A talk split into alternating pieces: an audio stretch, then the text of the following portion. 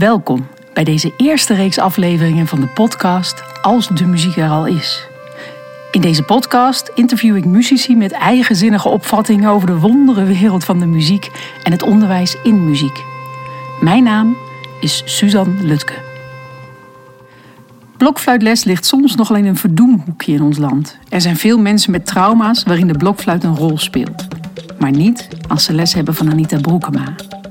Anita durft. Ze experimenteert, probeert uit, geeft ruimte, is flexibel en ze luistert. Met haar hele grote, liefdevolle hart vol muziek. Naar de leerling en naar de muziek. En als de leerling niet leert zoals ze had bedacht, dan gaat ze lesgeven zoals de leerling leert. Anita Broekema in deze tweede aflevering van de podcast Als de muziek er al is. Dag Anita. Hoi. Anita Broekema.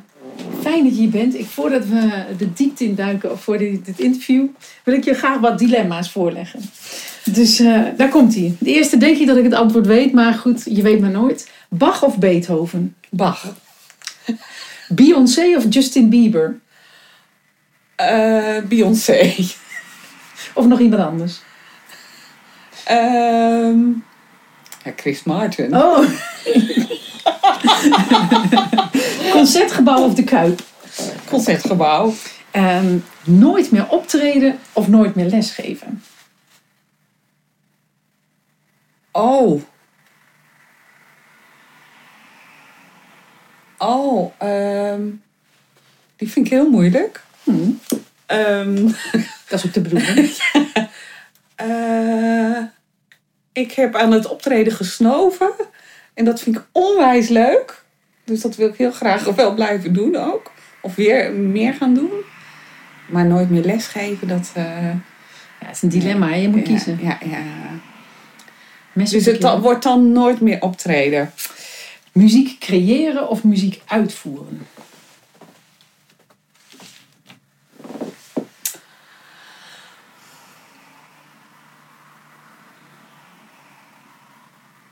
Mm. Is ook moeilijk zeg. Ja, anders was het een interview voor niks natuurlijk. Ehm, uiteindelijk.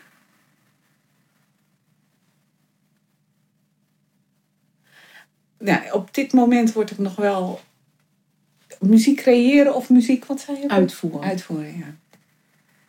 Ik word toch ook wel heel gelukkig op dit moment van muziek uitvoeren. Samen of alleen? Samen.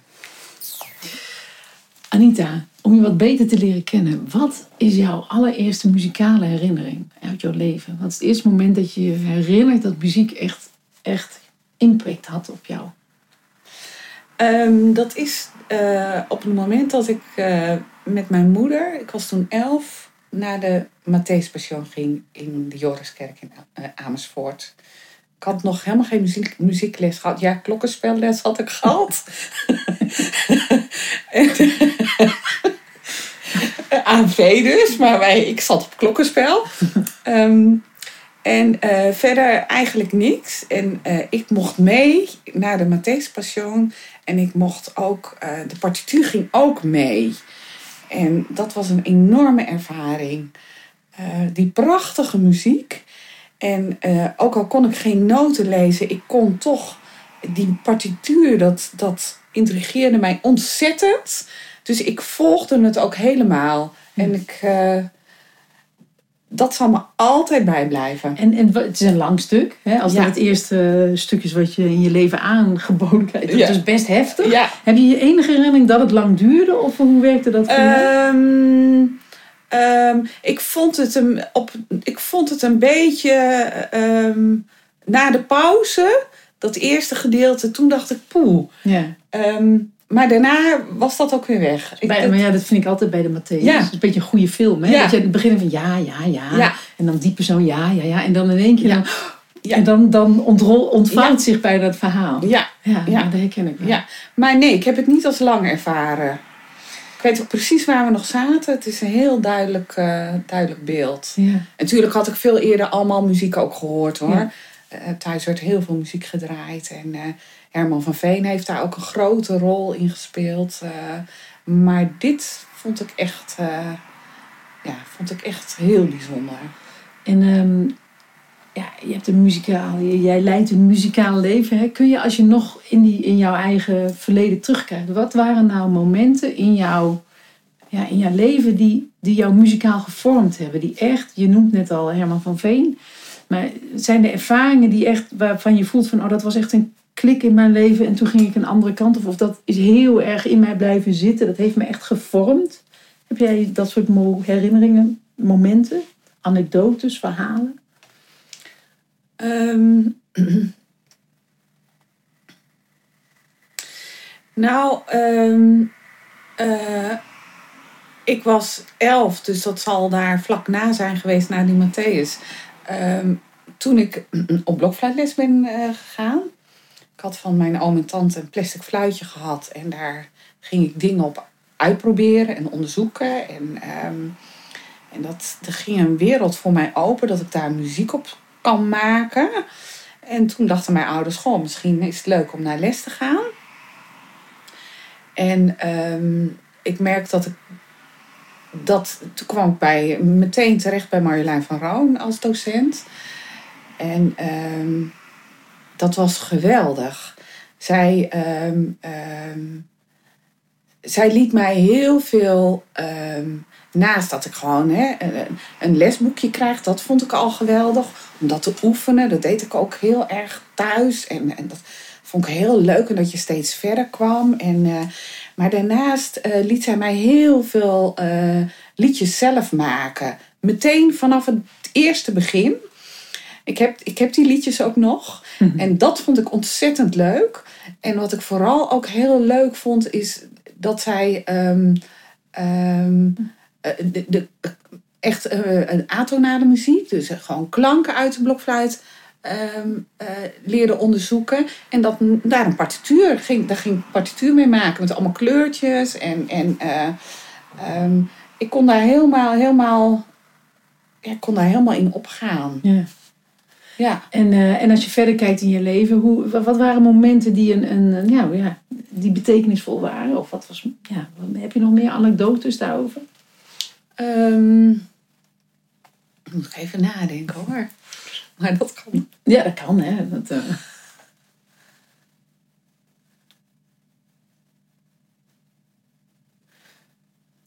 um.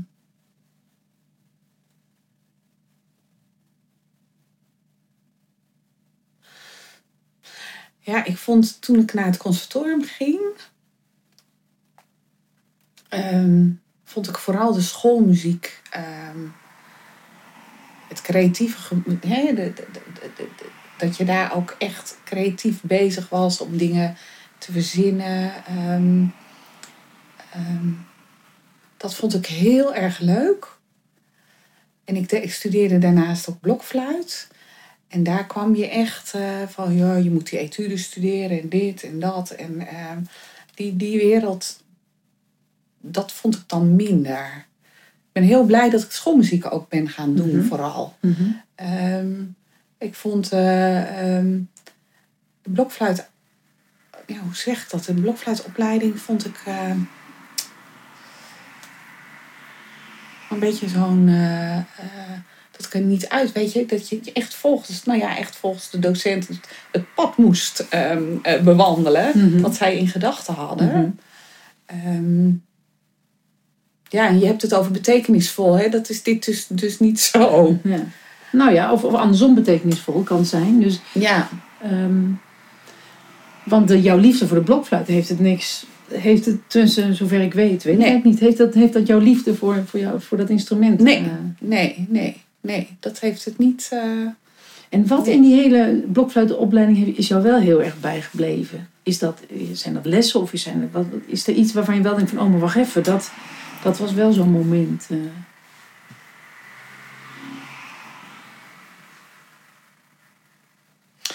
Ja, ik moest uh, voor, uh, voor schoolmuziek moest je dan toch ook je, je bijvak blokfluit, wat ook mijn hoofdvak was, um, afsluiten.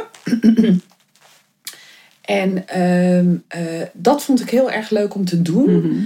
Eh, want ik kon echt zelf bepalen wat ik daar speelde. Ehm, ik, ik weet niet eens precies meer wat ik gespeeld heb. Maar één ding weet ik wel. Dat is dat ik een modern stuk speelde. Ja. Ehm, en eh, dat ook van een onbekende componist. En dat vond ik geweldig. Ja. Eh, want dat was uniek dat ik dat speelde. Dus ik, ik had dat zelf ook uitgezocht. En ehm, ehm, ja, toen dacht ik, oh, ik, dat heb ik heel goed gedaan. En daar word ik heel blij van. Ja. ja. Ja, Dus het is echt een beetje die, de, de combinatie tussen die... Want dat is ook weer die blokfluit meenemen bij de schoolmuziek Ja. bijna. ja. Heb je ook iets van schoolmuziek bij de blokfluit ingevlogen toen? ja, ja vooral bij didactiek. Ja. De didactiek, blokfluitdidactiek, dat, dat, daar had ik zoveel ideeën dat dat, ehm, Ja. ja, dat, ja, Ja, ik kom dat vast was zo wel- nog op terug. Dat was, was wel heel goed. En wat ik, ehm, want je hebt het over mijn eh, eh, ehm, soort van mijlpalen, Mhm, eh, ja, muzikaal gezien. Ik wilde altijd heel graag toch eh, jaren later, dus vrij recent, weer muziek maken. En, en eh, het leek me ontzettend leuk om, eh, om eens in een barokensemble eh te gaan spelen. Ehm, nou, dat heb ik vorig jaar gedaan. En dat vond ik een enorme ervaring. En met ons eigen barokensemble een concert geven van een half uur.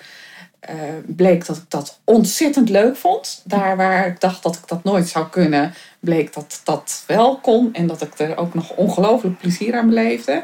En dat ik dan toen werd gevraagd ook om, om eh, een mis te spelen.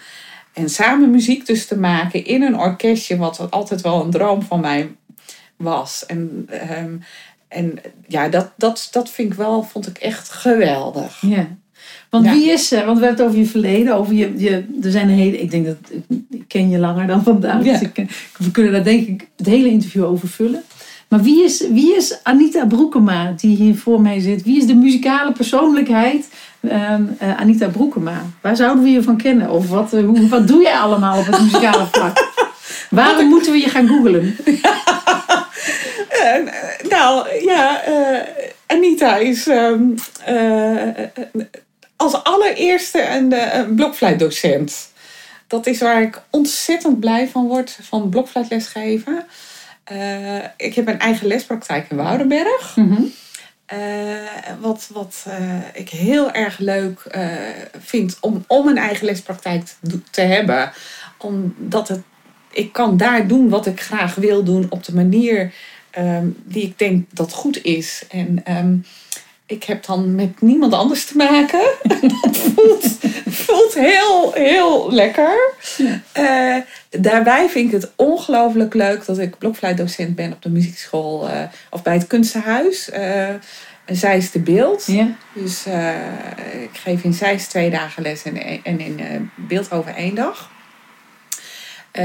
Wat ik daar heel erg leuk vind is dat je collega's hebt.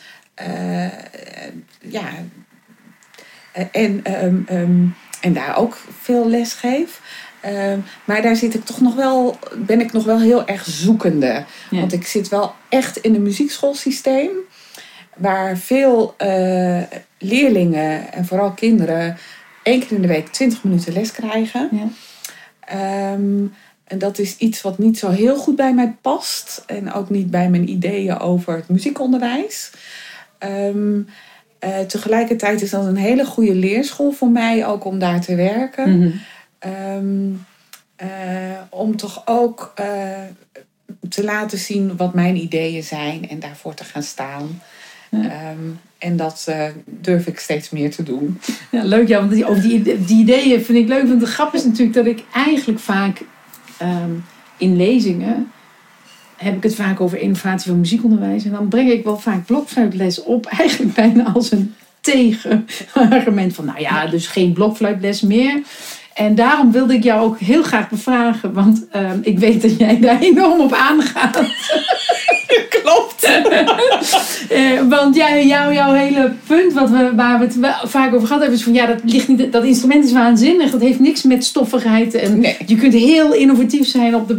Dus daar ben ik dan nieuwsgierig naar. Ehm, in, eh, in het boek wat, wat ik geschreven heb, daar komen ja, een aantal. dus, eh, De poging is om een nieuwe Lego bouwplaat te bouwen. Waarop we het muziekonderwijs van de toekomst allemaal als muziekprofessionals kunnen bouwen. Ehm, als jij nou kijkt naar jouw overtuigingen over de blokfluit en over blokfluitles geven. Ik heb, je, ik heb jou mijn bouwstenen gegeven. Maar je hebt ook een eigen visie. Hoe, waar bouw jij op? Wat is jouw visie dan op dat, dat hè, wat ik zelf, nou ja, op de blokfluit. Hè? En het Ja. les hebben in, op, in de, op de blokfluit. heb je lessen? In de blokfluit. ja, ja.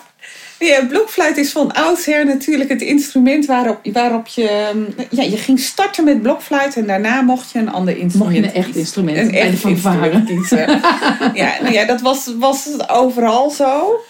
En eh, ehm, eh, ja, de- de- aan de ene kant ben ik het daar ehm, eh, niet mee eens. Want blokfluit is ook een geweldig instrument om vooral ehm, eh, jarenlang te spelen en te blijven spelen. En ehm, als je eenmaal eh, eh, verliefd bent op die klank, dan zijn er zo ontzettend veel mogelijkheden.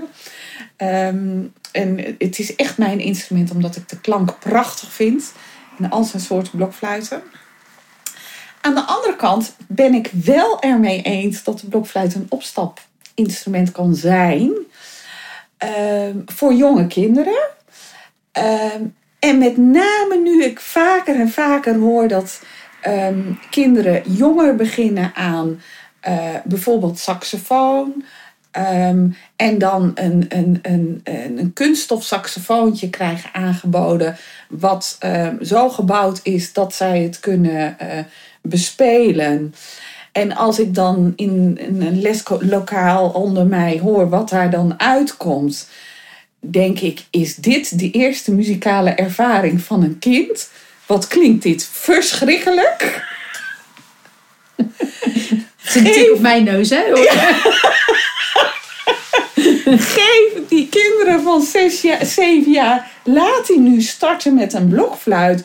Wat ze gewoon fysiek, waar ze eh, eh, behapbaar voor ze is. En waar ze meteen een mooie klank uit kunnen halen. Dus jij zegt eigenlijk, hè, waar jij op bouwt, een van de elementen van jouw lesgeven is van die eerste ervaringen, die moeten wel een, een, een esthetisch prettige kwaliteit Ja. hebben. Ja. Daar moet een mooie klankervaring bij zijn. Eh, ehm, dat je denkt, wow, dit is een mooie toon. Ah, ja. Dit klinkt mooi. Ja. En al zijn het twee noten, de eerste twee noten op een blokfluit, daar kun je al zoveel mee. En daar, je kunt een, een, eh, een leerling al leren luisteren hoe mooi die klinkt, die noot. Ja.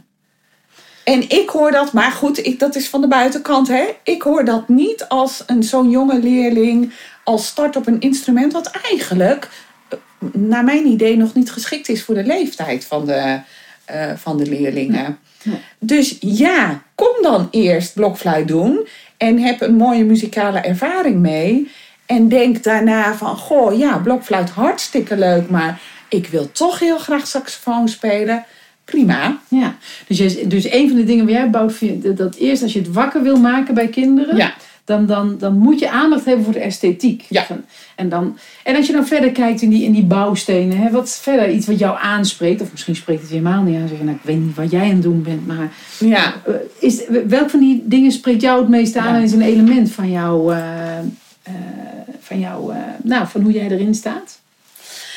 Ja, wat ik, wat ik heel belangrijk vind ehm, uit, eh, uit deze, deze bouwstenen. ehm, is dat je, dat je de leerling uitnodigt om, wat, eh, om, om te gaan muziek maken. Ja. Ehm, dat is heel belangrijk in mijn lespraktijk. Ik vraag altijd aan, aan een meisje van zes, maar ehm, ook aan een, een leerling van 88 die ik heb. Ehm, mijn les start met hoe gaat het? Om eventjes te, even te checken van, goh, waar zijn we? Hoe is de week gegaan? En hè, Mhm. ehm, ben je er klaar voor om, om muziek te maken? Mijn tweede vraag is altijd, wat gaan we doen? Mhm. Ehm, dus ik leg het initiatief totaal bij de leerling neer. En ehm, eh, sommige leerlingen vinden dat eh, lastig. Die weten dat niet zo goed. Ja, we gaan fluiten. Ja, we gaan fluiten, maar wat gaan we dan fluiten? Ja, dat weet ik niet zo goed. Ehm, andere leerlingen, en vooral leerlingen die langer van mij les hebben, weten nu: eh, oh ja, ehm, ze gaat dat vragen. Of, eh, of ik heb eigenlijk, ik bepaal zelf wat we gaan doen in de les. Mhm.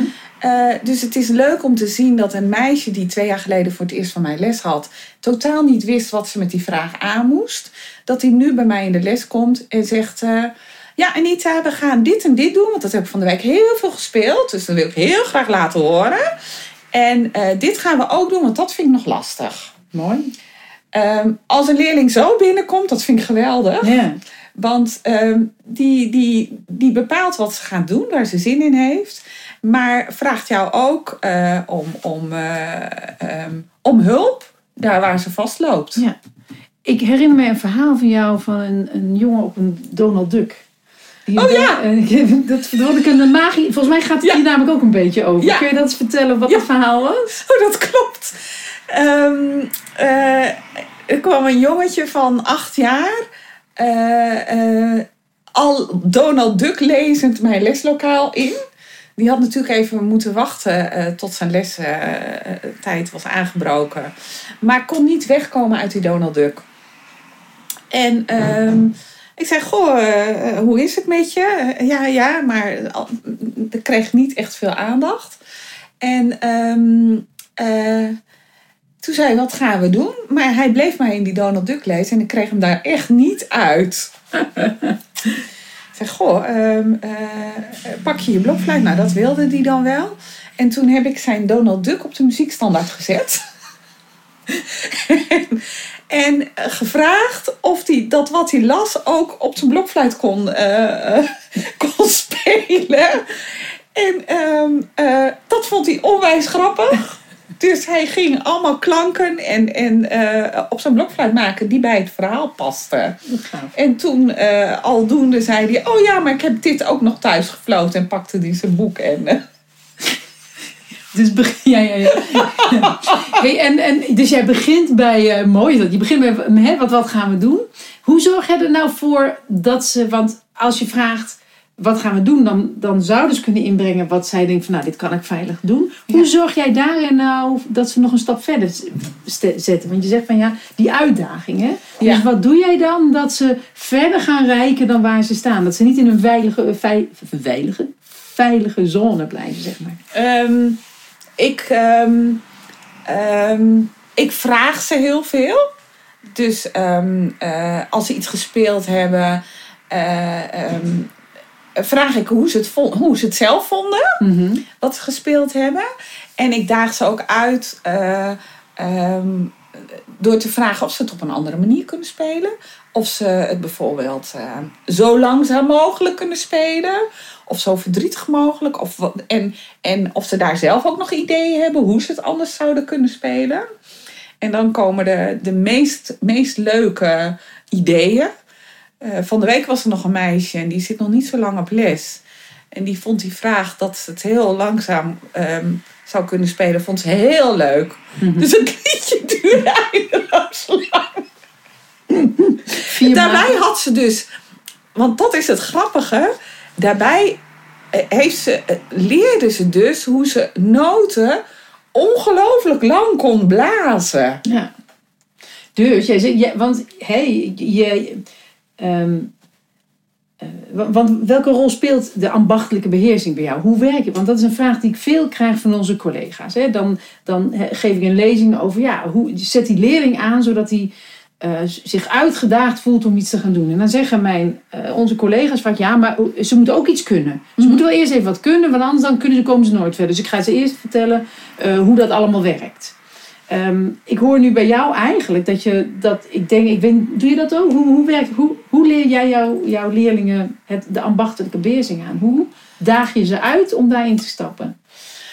Ehm, ehm, als leerlingen bij mij starten, eh, kinderen heb ik het dan, vooral kinderen heb ik het dan over, ehm, eh, geef ik ze de fluit en eh, dan vraag ik ze wat, wat ze daarmee kunnen doen, of ze, wat voor klanken ze eruit kunnen halen. En ehm, meestal starten ze dan om alle gaatjes dicht te doen en dan te gaan blazen. Ja, dat klopt. Dan, dan heb je een klank. Eh, maar ik, haal, ik vraag ook wat er gebeurt als ze de fluiten uit elkaar halen. Ja. Wat ze daar, eh, dus ik leer ze gewoon. Ik, ik, ehm, ehm, eh, ik vind het leuk als ze zelf gaan onderzoeken wat er mogelijk is. En jouw vragen leiden eigenlijk tot onderzoek. Ja, Dus de ja. vraag, kun je het zo lang mogelijk spelen, is een, is een trigger. Maar het is ook een, een oefening tot, Ja. tot aan bezuren of tot ademsteun. Of tot, Ja. Zou je het zo kunnen... Ja, dat klopt. En ehm, als ze dat hebben gedaan, dan, eh, ehm, eh, dan willen de kinderen graag ook wel gewoon een mooie toon spelen. Dus die ga ik ze wel ambachtelijk aanleren. Ja. Ik ehm, vertel meteen hoe je eh, de fluit vasthoudt en wat daar een professionele manier van is. En dat vinden ze heel interessant. Ehm, eh, dus dat doen ze ook allemaal, allemaal ja, bijna allemaal doen ze dat heel goed. En ehm, laat ze, ik laat ze dan ook met, eh, zien hoe je een, een, een C kan spelen waar ik mee start. Ehm, tegelijkertijd leren ze dan ook een A. Dus ze leren gewoon op de goede manier eh, die twee noten. En gaan we al met articulatie heel veel dingetjes doen. Eh, door voor- en naspelen. Ik speel zelf ook heel veel in de les. Ja, dus ben jij, Ehm, zou je kunnen zeggen dat jij een muzikaal rolmodel voor Ja, ze bent? absoluut. Ja. En dan doe jij iets voor, hè? even heel concreet. Ja, jij doet er een articulatieoefening Ja. voor. En dan doen ze het na. Ja. En dan? dan Ja. En ehm, eh, ehm, dat, dat gaat altijd even door. Dus ik speel wat voor en speel het na. Dat kan gewoon een paar minuten duren. En eh, vaak ehm, eh, daag ik ze uit om ook meteen al moeilijke dingetjes te doen. Op het gebied van articulatie bijvoorbeeld. Mhm. Eh, en het, is, het is heel leuk als je gewoon blijft spelen en ze ook niet, niet steeds stopt om iets te leren, maar gewoon te blijven muziek maken en te blijven luisteren, dat ze dat zelf al overnemen.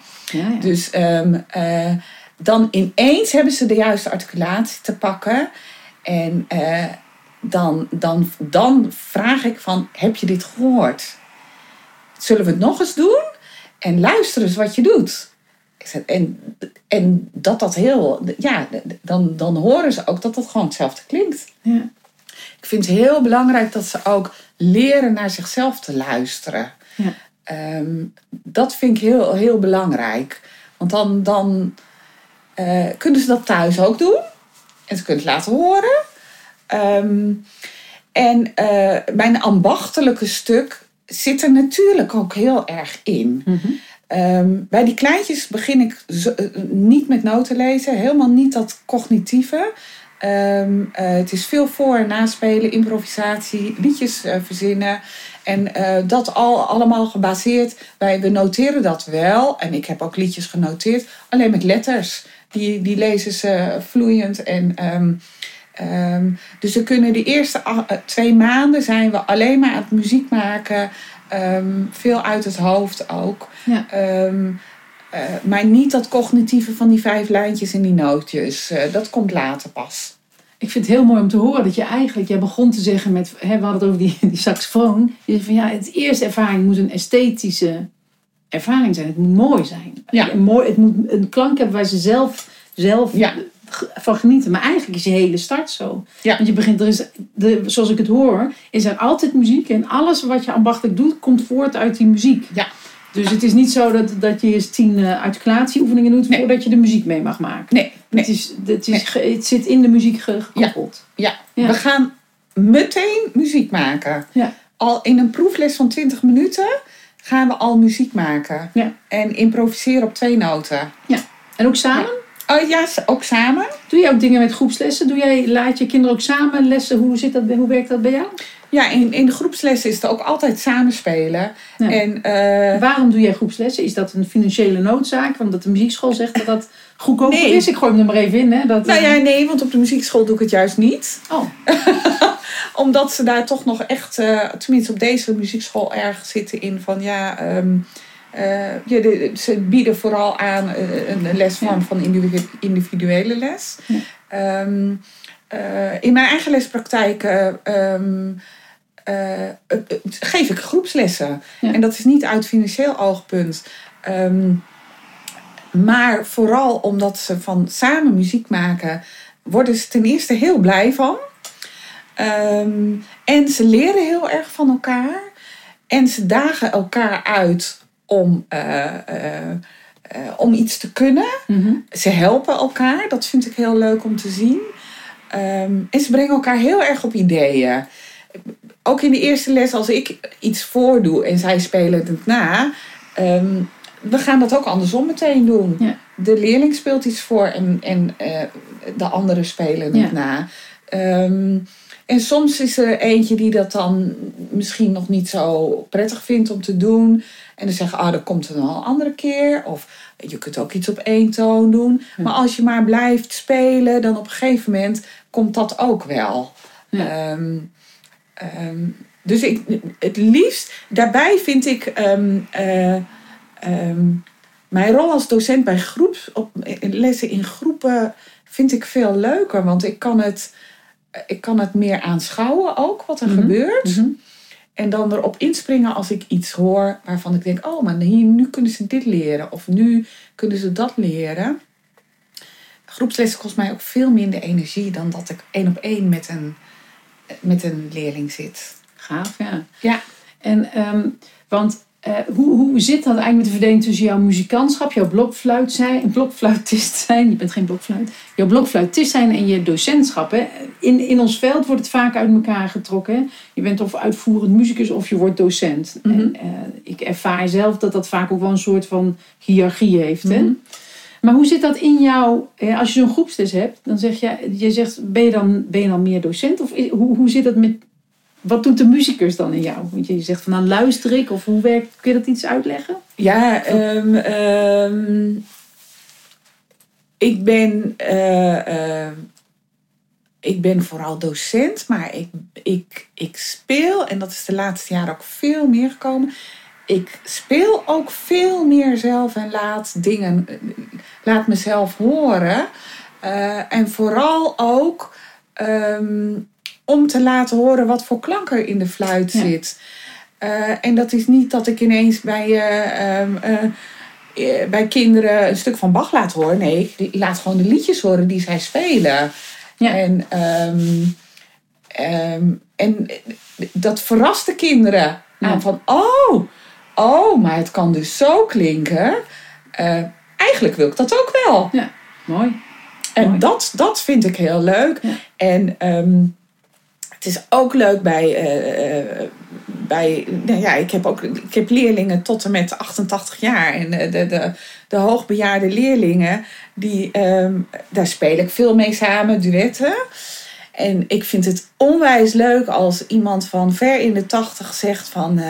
Oh, maar ik wil eigenlijk wel zo mooi als jij leren spelen. en die drive dan ook nog heeft om dat te doen. Ja. Daarom speel ik veel. Ja, Dus dan ben je ook een muzikaal rolmodel in het. heel erg. Denk ik wel, ja. Een mooi idee om, om niet inderdaad dan... Ik hoorde laatst een verhaal van iemand die had pianoles en nou, had daar moeite mee. En eh, als een stuk aan het spelen en de docent was een beetje bozig van kun je het nou nog niet? Was naar de wc gegaan, was ze teruggekomen en dan had hij dat docent datzelfde stuk in een razend tempo even voor haar gespeeld. Van kijk, zo moet het klinken. Toen dacht ik, mwah. Ik weet Ja. niet helemaal of je dan... Hè, Nee, nee, nee. Dus eh, dat was het eind van de pianocarrière van deze Ja. leerling overigens. ja. Hey Aniet, we- in het muziekonderwijs zijn er heel veel veranderingen de laatste jaren. Niet alleen in het muziekonderwijs, ik denk dat in het hele onderwijs er heel veel dingen gebeuren. Ehm, we merken het op de muziekschool. Hè? Eh, jij werkt op een aantal muziekscholen. Er zijn een heleboel omgevallen. Er is een soort verandering. We zien dat eh, waar voorheen alle muzieklessen op de muziekscholen waren, zien we nu ook heel veel muziek op de basisschool. Ik hoor van heel veel muziekcollega's die zeggen van ja, eh, leerlingen zijn echt veranderd, ze zijn echt anders geworden. Ik moet echt andere dingen doen om ze erbij te houden. Hoe, ik weet het, zonder dingen in de, in, de, mond te leggen, herken jij ook dat soort dingen in? Zie jij veranderingen, trends in onze samenleving waarvan je denkt van nou, daar moeten we eigenlijk wel wat mee uh, als muziekonder, uh, muziekdocenten? Of daar moet ik in ieder geval wat mee als muziekdocent? Hoe, hoe kijk je daar tegenaan? Heb je daar ideeën over? Um, nou ja, wat ik, wat ik aan. Um, uh, wat ik aan mijn eigen kinderen zie. Uh, bijvoorbeeld de oudste, die heeft vijf jaar lang vioolles gespeeld uh, toen ze jonger was. En is daarmee gestopt. Um, en toen na een paar jaar is ze piano gaan spelen en ging via YouTube zichzelf dat aanleren. En toen zei ik, goh, vind je het, um, vind je het niet leuk om op les te gaan? Nee, dat was totaal niet de bedoeling. Um, en ik merk, uh, nu ze speelt met heel veel plezier en ze leert zich stukken van Chopin aan, gewoon via YouTube. dat ik denk, huh? um, dus, maar de, stap om dan naar een docent te gaan die daar uh, dingen vertelt over uh, hoe je, hè, technisch of wat dan ook, dat, dat wil ze dan niet. Dus um, ja, dan ga je wel nadenken waarom wil ze dat niet. En dan denk ik dat dat toch is dat um, als leerlingen um, vanuit zichzelf heel ideeën hebben over wat ze graag willen. Mm -hmm. Um, dan, en ik denk heel erg het plezier samen hebben met muziek maken. Dat, dat, ik, ik denk dat je dat als muziekschool ja, je moet niks, maar ik denk dat het belangrijk is om dat vooral aan te bieden. Dat muziek maken niet echt is, hè? Het, eh, het, alleen het ambachtelijke, wat het nu vaak toch nog wel is op een muziekschool. Maar dat ze voor hele andere dingen komen. Om vooral samen muziek te maken en lol te hebben.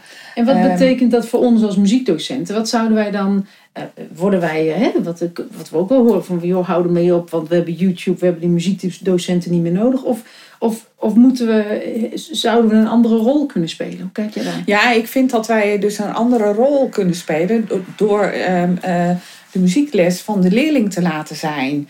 En niet te bedenken als uh, muziekdocent van, goh, na een jaar moeten ze deze methode wel uit hebben.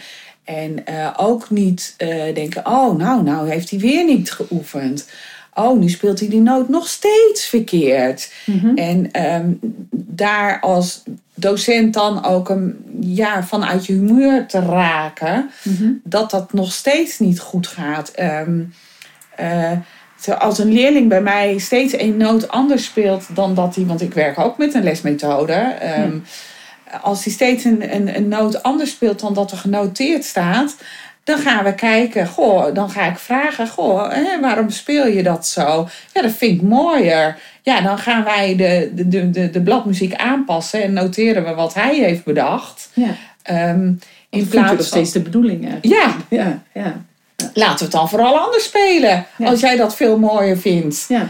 Uh, want je gaat niet iets spelen wat je niet mooi vindt. Nee. En dan kan ik wel zeggen, ja, maar het staat er niet, het staat er niet. En je speelt het weer verkeerd. Nou, dat is voor niemand goed, denk ik. Voor, nee. voor, voor de leerling absoluut niet. Nee. Um, maar voor jou als docent ook niet.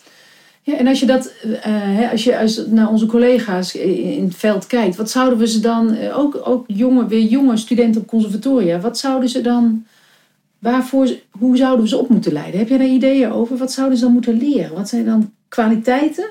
Wat zijn, kwali wat zijn kwaliteiten van muziekdocenten in deze tijd waarmee ze met plezier hun vak kunnen blijven oefenen? Wat kun je dan? Wat kun jij? Dat jij dit met zoveel plezier en uh, eigenlijk steeds groeiend plezier zie ik in jou. Ja. Wat? Ik, ja, ik vind lesgeven veel leuker dan twintig jaar geleden. ja. ja. Dus wat, wat, kun, wat kun jij dan waarvan je zegt van nou dit is al, hè, uh, collega's, uh, ontwikkel dit, want daarmee wordt je, je vak veel leuker. Uh, ja, wat, wat ik ontzettend leuk vind, is dat je de leerling de ruimte geeft uh, om te bepalen wat zij willen in de les. En dat daarmee um, zoveel ideeën komen van leerlingen, dat ik daar ook weer heel veel van leer. Maar wat kun jij dan dat jij dat kunt laten gebeuren? Wat zit er in jouw kwaliteiten? ik ga vragen wat ze willen. Dus je kunt goed vragen stellen. Ja. Eh, ik kan goed luisteren. Mhm. Ehm, ik kan ze ook uitdagen, Mhm. waardoor ze loskomen. Door ehm, ehm, dingen te vragen of te zeggen die out of the box zijn. Maar dan raken ze blijkbaar niet van in paniek bij jou. Nee, Dus hoe kan dat? Wat, waarom, waarom, veiligheid. Ik denk dat ik enorme veiligheid En creëer. wat, doe wat doe jij om veiligheid te creëren? Ehm, eh, door, door te vragen hoe het, hè, hoe het met ze gaat ook. Al is het maar één minuutje dat we het daarover hebben.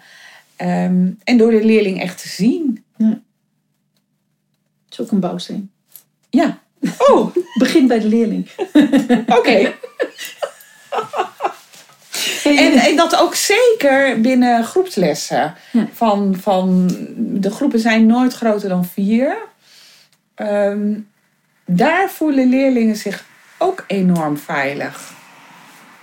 En wat doe je, want dat is nog, want dan ligt het niet alleen aan jou, ligt het ook aan de groep. Wat doe jij in, de, dus jij kunt ook, wat doe jij in die groep dat dat ontstaat? Ehm, eh, aandacht geven en de leerlingen ook ehm, eh, leren luisteren naar elkaar. Dus je bent eigenlijk een rolmodel op een muzikale gebied, maar Ja. ook, ook op een Ja. bijna menselijk gebied. Ja. Leren luisteren, Ja. vragen stellen. Ja. Hoe, Ja. Ga, hoe ga jij om met, eh, eh, doen jouw leerlingen examens en zo ook? Ehm, dat is wel de bedoeling. Het is jammer dat dit geen televisie is, want die blik was veelzeggend. Eh, Willen we het daarover hebben? ehm, Nou, misschien wat is je, wat is die nou ja, laat het zo stellen. ehm, eh, in, ik geef nog niet zo heel lang op de muziekschoolles. Sinds twee jaar. Eh, er heeft één leerling van mij een toetsexamen gedaan. En dat heb ik dan samen met een collega ehm Marjolein. Die had ook twee leerlingen die een eh, eh, toetsexamen gingen doen. Eh, toen hadden wij bedacht dat dat examen niet plaatsvindt in een leslokaal met de docenten eh, die daar luisteren. Maar wij hadden bedacht dat ze een concertje gingen geven voor hun familie en, ehm, eh, en vrienden en wie er maar wilde komen luisteren. Ehm, en dat vond ik heel erg leuk. Ik vond namelijk heel leuk dat ze ergens naartoe werkten en eh, ehm, gingen nadenken om de blokfluit op verschillende manieren te laten horen. Samen muziek gingen maken. Ehm, eh, maar ja, ik ehm, over, over rapportering, rapporten en, en, en toetsen. eh, ehm, daar moet ik nog heel erg over nadenken hoe dat vormgegeven gaat worden. Als het goed is, komt er een hoofdstuk eh, in het boek. Ah, eh, dus als jij inzichten zou moeten delen met onze collega's, even van nou jongens, leer heel goed. Leer die leerling uit te dagen. Geef hem esthetisch. Vanaf het allereerste begin geef de leerling muziek. Ja. Begin bij de leerling. Leer goed vragen te stellen. Leer goed te luisteren. Ja. Ehm, is er nog één dat je denkt van nou, en dit moet je ook echt weten. Dit is echt, dit, jongens, kom op, dit moeten we doen. ehm, Ik kan ook nee zeggen. Zeggen nee, ik heb alles gezegd. Kan ook. Ehm, hmm. Nou, het leuke is dat als je dit allemaal doet, dat eh, het ambachtelijke er heel erg in verweven raakt. Ja. Ehm, het, het is niet zo dat ze dan geen noten kunnen lezen of niet een goede techniek leren. Ook niet in groepsonderwijs. Ik ben aan. Nou, ik neig wel zelfs dat kinderen die samen les hebben, dat die beter spelen en muziek maken dan kinderen die privé eh, les krijgen. Eh, ze leren er veel meer, maar ze leren ook heel erg luisteren en dat is ook zo belangrijk. Dus het is eh, ja, mooi. We zijn er bijna niet. Ehm, nog twee vragen heb ik voor je. De, de ene laatste vraag die is... Als ik in het land met, met muziekdocenten aan het werk ben... zeggen ze vaak wel van ja, ja, ja, ik, ik, ik geloof hier ook in. En dan komt altijd de vraag, ja, maar hoe doe ik dat dan? En die hoe-vraag, je hebt al een heleboel gezegd over hoe jij, wat jij doet in de les. Maar heb jij een werkvorm waarvan je zegt van nou, die gebruik ik bijvoorbeeld wel eens? En die werkvorm, die, dat is precies een voorbeeld van wat ik zeg, kijk, zo werkt het. Je gaf al de Donald Duck eh, voorbeeld, dat vind ik al een eh, vrij eh, mooie werkvorm. Maar heb je zoiets van, nou, dit gebruik ik, zo'n soort werkvorm gebruik ik bijvoorbeeld best veel. om, en die past heel goed bij mijn visie op muziekonderwijs. Zo eentje die je wilt delen, de rest van, oh, daar maak ik een leuke versie van. Mm.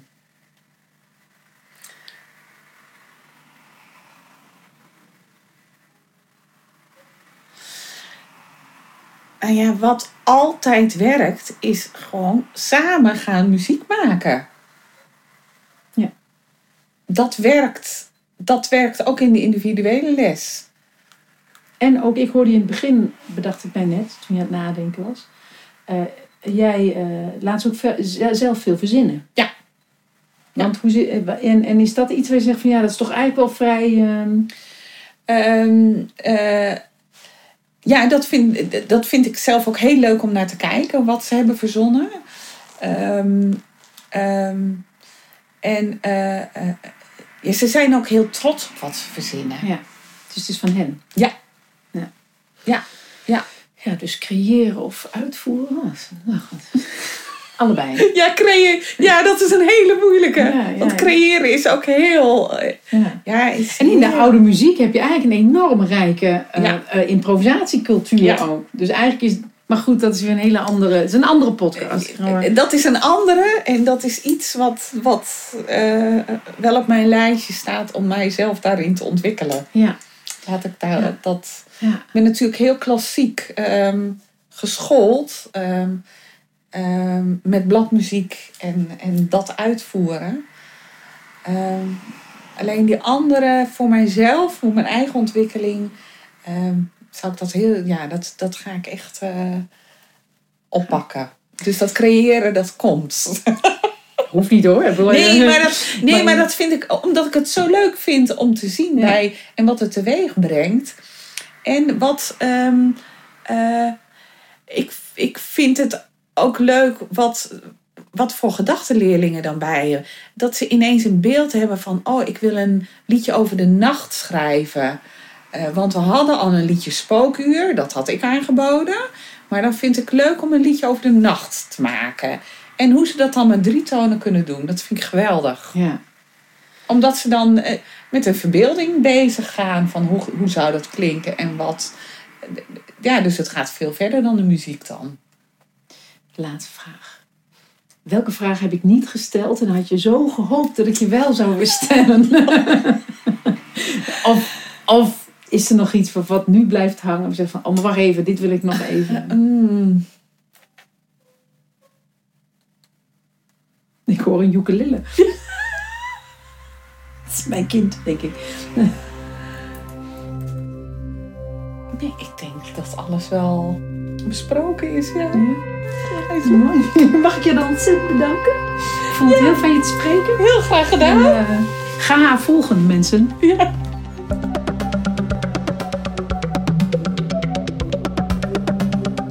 Je luistert naar de podcast van Suzanne Lutke. Suzanne Lutke is saxofonist, muziekdocent en onderwijskundige. Ze heeft een eigen trainingsadviesbureau voor de kunst- en cultuursector en het onderwijs. Deze podcast is gebaseerd op de interviews en gesprekken die Suzanne voerde voor haar nieuwe boek Als de muziek er al is.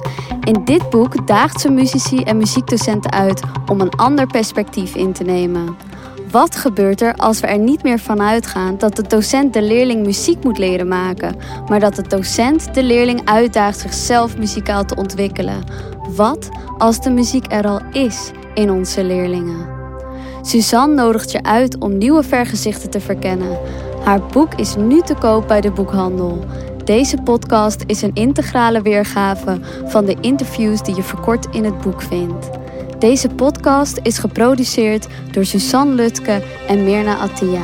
Mirna is muzikant, zangeres, producer en sounddesigner. Bekijk en beluister haar werk op www.meernaatia.com. En meer over Suzanne vind je op www.lutkelinkt.nl.